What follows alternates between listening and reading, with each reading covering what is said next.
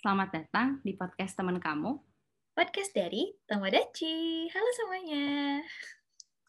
Halo, halo, halo. Selamat malam, selamat pagi, selamat siang, selamat sore. Di mana pun Tomodachi berada ya, masih bersama Arin dan Dina di podcast dari Tomodachi. Halo. Podcast yang membahas anak muda dari perspektif kita ya, Din. Halo, Din. Betul, halo Arin. Selamat malam di Indonesia. Jam berapa sekarang di sana? Sekarang jam 9. Berarti kalau jam 9 di Indonesia berarti jam 11 di Jepang ya? Oh, sini. iya, jam 11 di sini. Tapi kita senang banget akhirnya kita bisa ketemu lagi supaya recording dan bisa ketemu sama teman-teman atau tomodachi-tomodachi sekalian ya, Arin. Arin mau ngasih spoiler nggak? Kita mau ngomongin apa nih hari ini? Benar-benar. Sesenang ketemu Dina, senang Oke. juga pengen ngebahas topik yang satu ini. Karena topik yang satu ini juga masih anget-anget banget dari oven ya. Belum sampai seminggu ini kayaknya berakhir satu topik ini. Soalnya kayak dua bulan belakangan dari sejak um, kita akan ngebahas satu drama ya. Jadi drama ini sejak pertama kali keluar udah menyita, sudah menyedot perhatian orang dari uh, penjuru dunia kayaknya nggak cuma Indonesia aja. Meskipun memang di Indonesia tuh kayaknya uh, hype banget gitu. Karena di Indonesia sendiri tuh kayak um, kayak nonton berjamaah gitu. Eh, anak-anak Indonesia manusia Indonesia gitu ya. Karena kayak setiap eh, kelanjutan episodenya tuh benar-benar kayak semua orang tuh seakan-akan eh, apa ya kayak udah tahu gitu. Kayak oh udah pada relate semuanya gitu. Nggak mengenal eh, profesi. Bahkan kayak bisa dilihat kayak contoh salah satunya sih sering dibedah influencer sih ini. Karena nggak semua film kan yang ditonton kayak kayak gini yang menyedot perhatian kita semua ya nggak sih Din? Dina nonton juga nggak sih ini filmnya sebelum kita eh, sebut nama filmnya? Film apa ya? Tapi kayaknya setelah tadi Arin bilang kita bakal bahas tentang drama, teman-teman yang dengerin harusnya Hmm, asumsiku sih udah tahu ya. Sebenarnya aku juga benar. setuju kenapa ini dia benar-benar hyped up banget nggak cuma di Indonesia tapi all over the world. Karena pertama dia dari Korea dramanya satu. Kedua waktu aku di sini pun aku lihat di Netflix recommendationku dia juga masuk top 2 di Jepang. Jadi kayak hmm Hmm. Kayaknya emang benar-benar di mana-mana. Gitu. Iya aku nonton aku nonton benar, benar. Wah, aku juga sudah nonton dan bahkan eh, kayak kayak aku kan aku tuh kebiasaanku kan aku nggak pernah tuh nonton biasanya eh, abis itu mantengin Twitter karena aku jarang main Twitter. Tapi kan aku saking penasarannya gimana sih respon-respon orang tuh jadi kayak aku setelah nonton pas banget di malam itu aku langsung ngecek Twitter terus aku langsung lihat hashtagnya langsung buka hashtag itu terus aku langsung scroll scroll gitu apa sih respon respon orang gitu. Dan em, yang lucunya adalah orang-orang banyak banget yang komentar yang belum nonton nih bilang juga gini kayak "Eh, belum nonton tapi kayak udah tahu aja ceritanya karena kayak spoilernya tuh udah bertebaran Iya. di mana-mana gitu. banget. Ini tim marketingnya mereka emang luar biasa. Salut saya. Bener Iya ya. benar-benar. Hmm. Nggak ya? Kenapa kenapa kenapa ini bisa hype banget? Mungkin salah satunya karena salah satunya karena ini fresh ya secara tema juga karena temanya jarang banget diangkat dari dari film mana pun kayak dari genre negara mana pun jarang ada yang bahas tentang genre startup anak-anak muda terus juga tentang semangat membangun sesuatu apalagi startup itu juga suatu industri yang baru muncul kayak 20 tahun belakangan lah ya palingan ya nggak sih Din? Bener-bener. Aku juga merasanya kayak yang Arin barusan bilang, ini kan memang nggak nggak bukan yang mainstream banget ya. Dan aku merasanya kenapa ini lebih terhype lagi karena ini tuh relate banget sama generasi-generasi kita yang atau teman-teman kita yang udah lulus gitu. Karena sekarang kan anak-anak muda memang eh, apa ya tujuan utamanya adalah mengikuti passion. Jadi banyak tuh yang orang-orang pengennya kayak udahlah nggak apa-apa gue mau bikin bisnis gue sendiri aja, gue nggak mau kerja kantoran gitu kan. Nah ini sangat relate banget kenapa nanti ada sesuatu, ada satu wadah di mana orang-orang itu pemuda-pemuda dengan pemikiran yang sama itu bisa bergabung dan itu bisa membuat sesuatu dengan tangan mereka sendiri. Jadi mungkin ada teman-teman di luar sana yang nonton karena pengen tahu sebenarnya gimana sih perjuangan di balik bikin bisnis itu dan ya gitu deh. Kita belum nyebutin judul judulnya dong dari tadi ya, tapi kita Iya, kayak udah ketahui, udah kesebut-sebut ya. Ini kok eh, dramanya adalah startup ya. Sangat tidak klimaks anti klimaks. Iya, kita ngomongin startup kali ini Tomodachi semuanya. Kita nggak bakal bahas tentang apa jalur alur cerita dan lain-lain ya karena kita tidak mau spoiler. Cuma kita bakal ngebahas sedikit-sedikit tentang karakter. um, review dari kita benar-benar apa sih pandangan-pandangan kita dari review karakter ya? Dari eh, karakternya pun sendiri itu sangat kuat ya. Banyak banget yang bukan second apa bukan first lead atau second lead bahkan eh, supporting roles-nya juga eh, memberikan bumbu-bumbu cerita juga. Tanpa ada supporting roles-nya juga em, apa ya peran dari si eh, main eh, main lead-nya juga nggak nggak ini ya nggak stand out gitu. Kayak contohnya um, ada kan ada Dalmi ya Dalmi Dosan itu first leadnya. Terus ada Jipyong terus juga ada Inje itu jadi second leadnya ya. Kalau misalnya kita itu empat muka ini sering lah kita lihat di poster-poster. Nah ada juga supporting role-nya yang kayak Samsan uh, Samsan Boys terus ada juga Helmoni. Helmoni nih sih yang jadi menurutku adalah center dari ceritanya sih Iya, betul banget. Ih, BTW ini ini sedikit keluar dari apa yang kita omongin, tapi kan sekarang ada filter Instagram tentang drama ini kan. Aku nyoba tiga kali selalu dapat harmoni btw. Tapi ya udah itu. Itu mungkin kayak sharingnya tuh sama sama harmoni gitu. Oh. Jadi makanya efek-efek adem ayemnya tuh terlihat sama filter jadi nggak bisa di, di dinistakan gitu nggak bisa. Di episode ya, terakhir aku nangis banget. Oke okay, anyway anyway. Oke okay, okay. kita kita jangan skip langsung pasti kita udah gatal ya ngebahas tentang episode terakhir tapi kita mau bedah dulu nih karakternya satu-satu. Dari dalam hmm. dan dari Jipyong dan Dosan yeah. eh dari Jipyong dan Inje tapi uh, kayaknya kita nggak perlu ngasih tahu lah ya kita tim siapa. Karena kan biasanya orang yang nonton film ini nih langsung kayak udah ter ada kubunya langsung ya kayak udah uh, ini ya udah kayak pilpres gitu din. Kerasa nggak sih kayak pilpres banget kayak kayak pilpres gitu. Kayak orang milih ini uh, tim siapa tim siapa dijagokan jagoan-jagoannya gitu. Dan kita kayaknya satu tim ya tapi tim apakah itu nanti kita ini ya kita lihat sepanjang jalan. Hmm. nah jadi um, bahas review karakter pertama dulu nih, karakter mana yang paling Dina pengen bahas?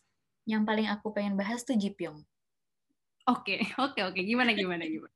aku paling pengen bahas dia karena dia tuh sebetulnya baik, tapi dia apa ya? Dia dipanggil sama Helmoni sama nenek sebagai anak baik, diberi nama gitu kan. Tapi dia dari awal hmm. nggak pernah mau disematkan nama itu karena dia merasa kayak aku tuh sebenarnya banyak dendam dalam hatiku. Aku tuh nggak mau melakukan hal baik untuk orang lain. Tapi ketika kita sepanjang kita ngelihat drama, nggak ada yang nggak dia lakuin itu atas dasar dia care sama orang lain atau mau berniat baik buat orang lain. Jadi kayak wah ini orang baik sejati. Nah ini aku baru mulai juga aku udah kelihatan aku favor siapa. Berarti kalau di kelihatan aku juga ada kelihatan dong. Jadi yeah. memang definisi good boy sesungguhnya ya. Jadi orang baik itu uh, orang baik bukan orang yang menyebut atau apa yang memandang dirinya baik. Jadi ya itu contoh nyatanya adalah Jipyong sendiri dan um, ya bahkan sampai Iya pokoknya sering banget lah pokoknya dia sampai di episode terakhir pun dia masih kayak setiap neneknya si Harmony selalu bilang kayak good boy good boy dia selalu uh, apa namanya um, menolak disebut kata itu ya Lin Mm-hmm. Jadi dia, in short, dia tuh tipe-tipenya tipe-tipe yang tegas, ambisius, mm. ya, kayak mm. confident, I would say. Dia juga memang di di episode di setiap episodenya, apalagi di awal-awal kita bisa lihat kalau dia memang tipe yang cerdas dan bisa memanfaatkan kesempatan. Ya, sampai dia bisa sampai ke level di mana dia bisa meraih apa yang dia pengen, which is financial freedom. Itu itu aku aduh. Aduh. Benar-benar dan bahkan makanya dia dari episode awalnya pun ketika Dalmi dan Dosan yang secara usia dia relatif muda nih ya. Jipyong hmm. udah uh, ya sudah mencapai di titik di mana dia uh, financial uh, freedom. Terus dia pokoknya hmm. udah secara karir secara karir dia udah sukses gitu. Pokoknya um, Jipyong dan Inje ya. Jadi ini sebenarnya dua dua apa dua tokoh yang mereka sejak awal udah menunjukkan um, ciri-ciri kesuksesan. Sedangkan untuk yang bagian strugglingnya, yang bagian orang-orang yang mulai dari bawah itu di um, dipotret oleh Dalmi dan uh, Dosan ya. Hmm. Nah, tapi kenapa? Kenapa nih? Kenapa? Padahal kan karakternya punya um, ini ya, um, ciri khas masing-masing antara Dosan dan Jipyong. Tapi kenapa kayak bisa segitu kuatnya bisa membelah umat gitu, Den? kenapa ya? Aku juga bingung, Den. Kenapa ya? Karena ini sesuai preferensi. Kalau aku ya, kalau aku nggak tahu kalau misalnya orang yang milih dosan kenapa, tapi kalau misalnya aku kenapa aku menjagokan Jipyong adalah karena um, uh, si Jipyong ini um, uh, yang uh, aku sempat bahas tadi juga sama Dina sedikit kayak kalau misalnya perspektif yang kita lihat dari sepanjang jalan tadi Dina juga nyampein kayak nggak ada satupun uh, pri, uh, apa perbuatan yang dilakukan oleh Jipyong itu yang tidak mencerminkan orang baik gitu ya. Dan tapi uh, terkhususnya untuk Dalmi ya Uh, hmm. Jadi kayak terlihat dia benar-benar dari awal sampai akhir itu dia uh, benar-benar menunjukin kalau misalnya dia rela gitu sacrifice buat Dalmi gitu dan kita melihat dari perspektif itu kayak ngenes banget ya ngenes banget gitu jadi kayak aduh sedih banget gitu hmm. itu yang membuat kita jadinya mm, ada perasaan empati dan aku menyadar sih kan uh, film ini nggak drama ini nggak cuman ini nggak drama pertama yang uh, apa ya yang second uh, second lead syndrome itu begitu kuat ya. Mungkin kalau kita pernah nonton, nonton drama beberapa yang lain yang juga ada hype yang lain tuh mungkin uh, juga ada yang second lead syndrome-nya kuat. Tapi nggak tahu kenapa ya startup ini benar-benar uh, kuat banget dan mungkin dari segi cerita pokoknya banyak juga sih faktor-faktor yang membuat karena dramanya juga lagi ngetren banget itu makanya kenapa karakternya juga segitu terkenalnya gitu. Sampai ya pemerannya benar-benar langsung meroket gitu kan uh, popularitasnya gitu. Nah mungkin ya karena perspektif yang ditunjuk ditonjolkan oleh si Ji Pyong itu tuh terlihat sama kita tuh terlihat sangat empatinya. Tapi nah um, aku um, di aku sendiri um, apa ya namanya menjelang menjelang episode terakhir itu aku merasa aku menjadi agak kesel sama Dalminya jadinya. Karena aku merasa kenapa sih Dalmi kok nggak ngelihat apa yang aku lihat? Gitu. Tapi aku harus sadar sih satu hal kalau ternyata mungkin memang um, writer name-nya itu memang menunjukkan hal yang apa ya menunjukkan hal ya uh, menunjukkan hal tentang perjuangan Jipyong. Dan itu memang nggak akan semua perjuangan Jepang itu akan uh, apa ya dalam jalan cerita, dalam jalan ceritanya itu akan terlihat sama Dalmi semua. Kita cuman kayak jadi hmm. orang ketiga yang lihat dari jauh aja gitu. Hmm. jadi karena empati kita sih ya. Memang Dalmi nggak bisa empati seluruhnya karena dia mungkin nggak uh, memakai perspektif kita sebagai audiens gitu. Hmm. tapi ya jadi seorang Dalmi gitu. Betul betul betul betul. Sebenarnya satu hal satu hikmah. Ini padahal baru di tengah-tengah diskusi tapi aku di hikmah satu hal yang aku pelajarin dari drama ini. Gimana kenapa kita merasa benar-benar empati sama Ji Pyong. Udah gitu kita merasa kayak Ji Pyong tuh deserve way better adalah karena hmm. kita tahu apa yang dia lakuin kan. Tapi hmm. dalam hidup sebenarnya ya emang kayak gitu. Kalau misalkan kita ketemu orang baru atau misalkan kita sama teman terdekat kita aja, kita tuh nggak selalu tahu apa yang dia lakuin, apa yang dia usahakan, hal apa yang dia lagi siapkan untuk orang lain, kayak kebaikan-kebaikan apa yang dia lakuin gitu kan. Jadi ya hmm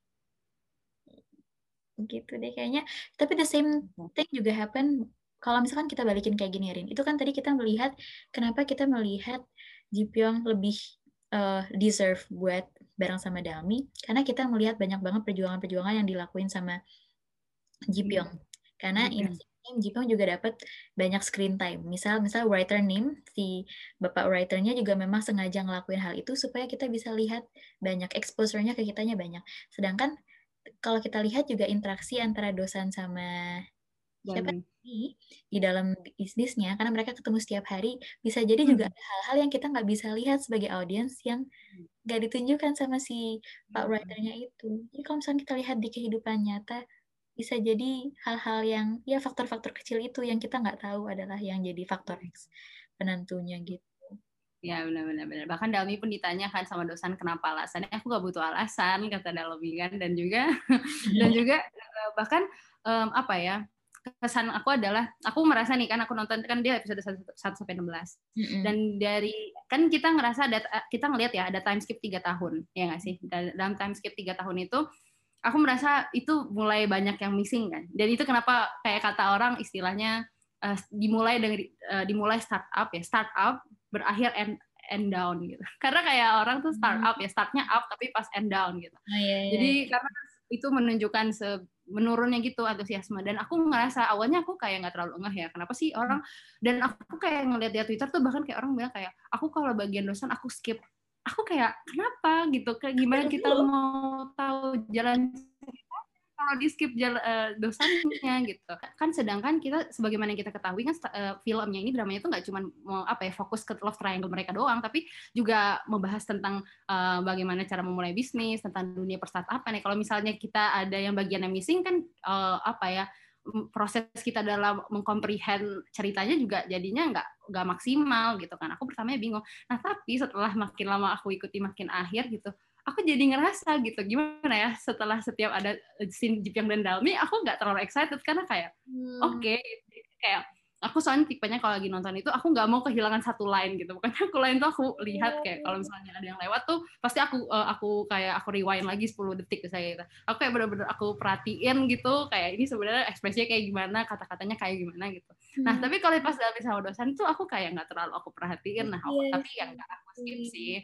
oh. tapi tapi aku melihatnya kayak gitu. Aku merasa karena um, di dalam proses time skip-nya itu ada beberapa hal-hal yang jadi agak kurang make sense. Jadi kayak kesannya aku jadi kurang antusias dan aku cuman hal goalsku adalah untuk nonton episode terakhir terus gimana sih endingnya Jipyong itu sih karena udah tahu dalamnya end up pasti bakal sama dosan juga. Jadi aku penasaran gimana sih writer nimnya ini bakal hmm. uh, apa ya bakal naruh uh, Jipyong itu di posisi seperti apa bakal di endingnya tuh uh, what kind of happiness that Jipyong deserve gitu.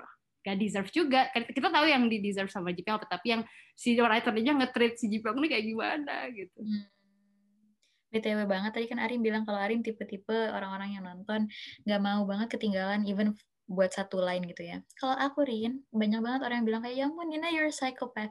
Karena aku tipe yang kalau misalkan nonton drama, aku cepetin sampai ke ending, aku lihat endingnya kayak gimana. Terus setelah aku lihat endingnya si dramanya, kalau misalkan dia menarik, aku ulangi lagi dari depan baru aku nonton. Terus kalau misalkan dari akhirnya aku merasa aku kecewa, aku nggak nonton.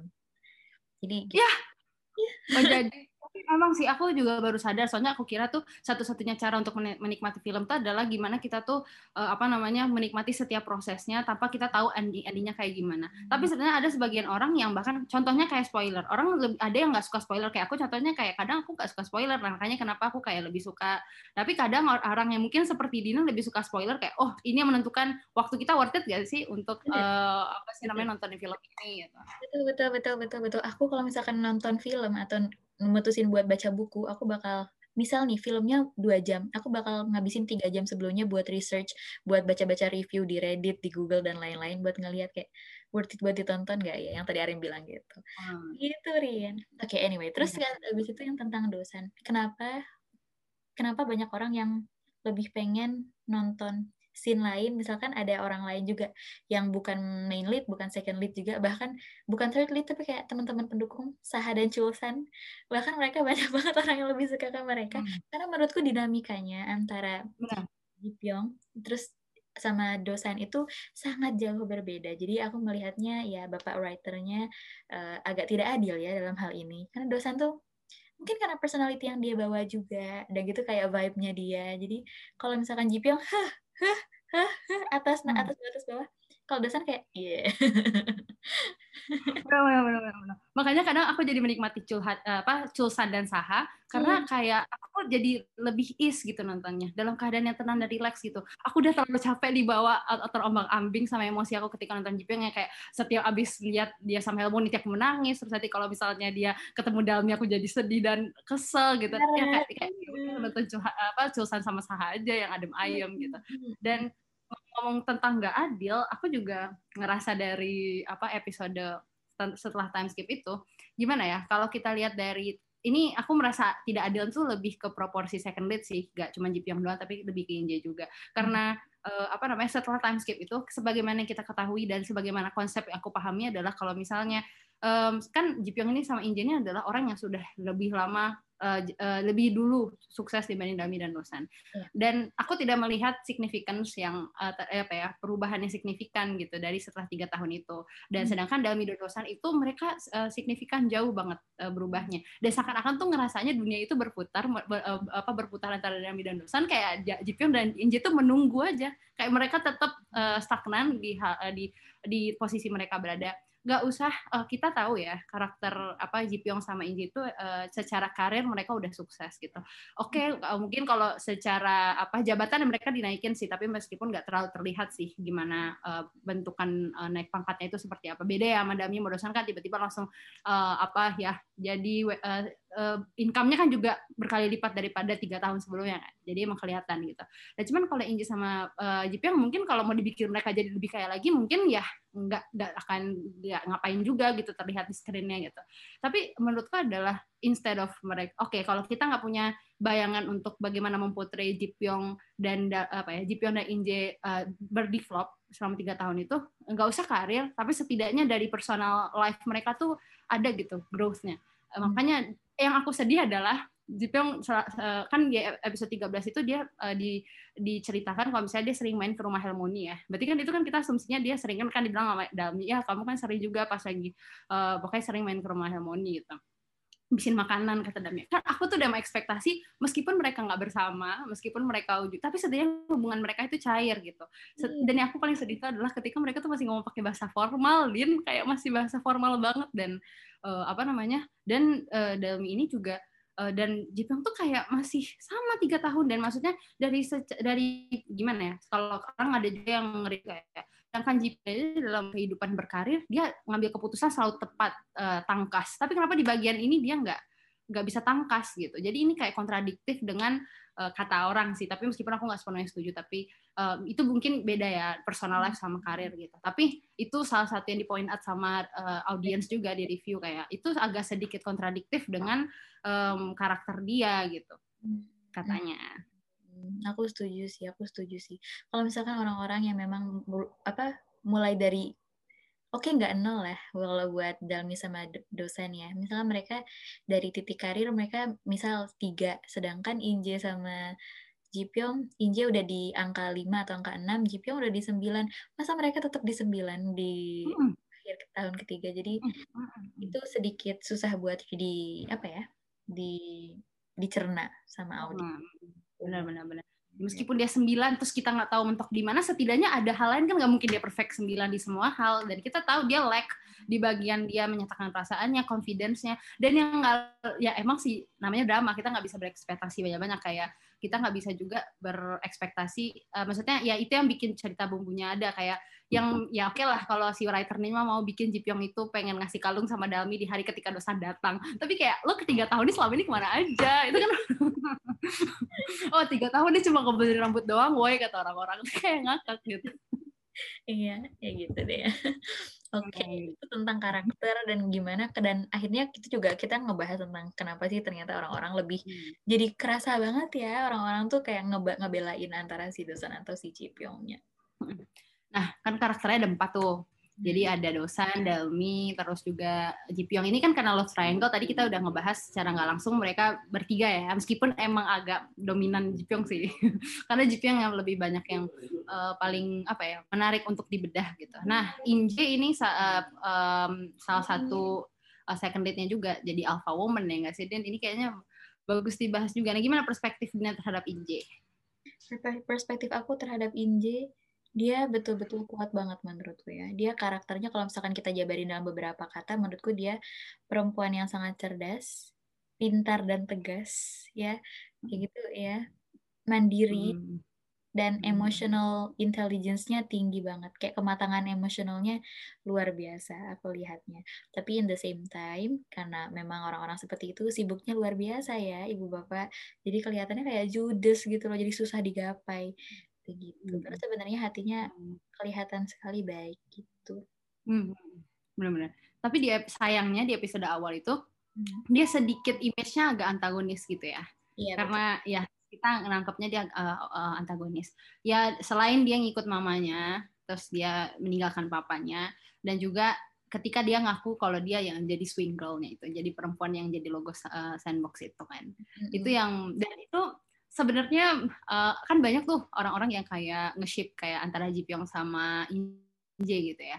Tapi aku sih sebenarnya kayak uh, uh, apa ya? Gak, uh, aku uh, apa ya, sadar sih setelah writer name-nya juga kayak kalau aku perhatiin di episode-episode terakhir itu dialog-dialognya Jipyong itu kayak bener-bener kayak meng apa ya mengeksplisitkan uh, intentional meaning dari si writer name-nya gitu kayak pas yang di bagian dia kan dia awkward ya sama Dalmi. Terus yang dia ketangkep eh apa uh, Dalming ketangkep Jipyong yang dia mau masuk ke uh, apa uh, apa sih ruangan itu. Itu hmm. sebenarnya it's supposed to be funny tapi aku kayak udah pada itu udah awkward gitu. Kenapa harus ditaruh kayak gitu? Itu aku sayangkan. Sebenarnya emang itu harusnya lucu ya tapi kayak aku kayak kenapa apa? Itu malah kalau kita di posisi Jepang jadi makin malu nggak sih? Kenapa dibikin Jepang tuh udah kayak gini tuh makin kayak gini lagi gitu. tapi emang Jepang bilang apa yang menurut Arin nah setelah itu nah yang setelah itu setelah dia uh, adegan itu terus dia ngomong kan uh, ya uh, aku kira aku bakal bisa cool dalam keadaan kayak gini. Atau I would be okay gitulah dalam keadaan kayak gini. Tapi ya turns out ya I'm just a loser gitu loh katanya. Terus kayak dia bilang uh, tapi kalau misalnya aku oke okay, berarti itu tidak menandakan seberapa sukanya aku gitu. Hmm. terus kayak dia bilang gitu. Itu kan berarti menunjukkan kayak gimana? Kalau misalnya dia end up-nya ujungnya sama Inje juga berarti itu kan menunjukkan bahwasanya Eh, nggak uh, segitu kuat dong. Apa sih namanya? Ya ex of service atau misalnya uh, love dia sama Dalmi gitu. Itu mungkin jadi salah satu hal kenapa si Jipeng itu dipertahankan sampai sesedih-sedihnya gitu. Jadi sad boy banget sampai episode terakhir. Dan juga uh, uh, semua gimana ya yang di bagian scene juga pas yang di rooftop itu juga.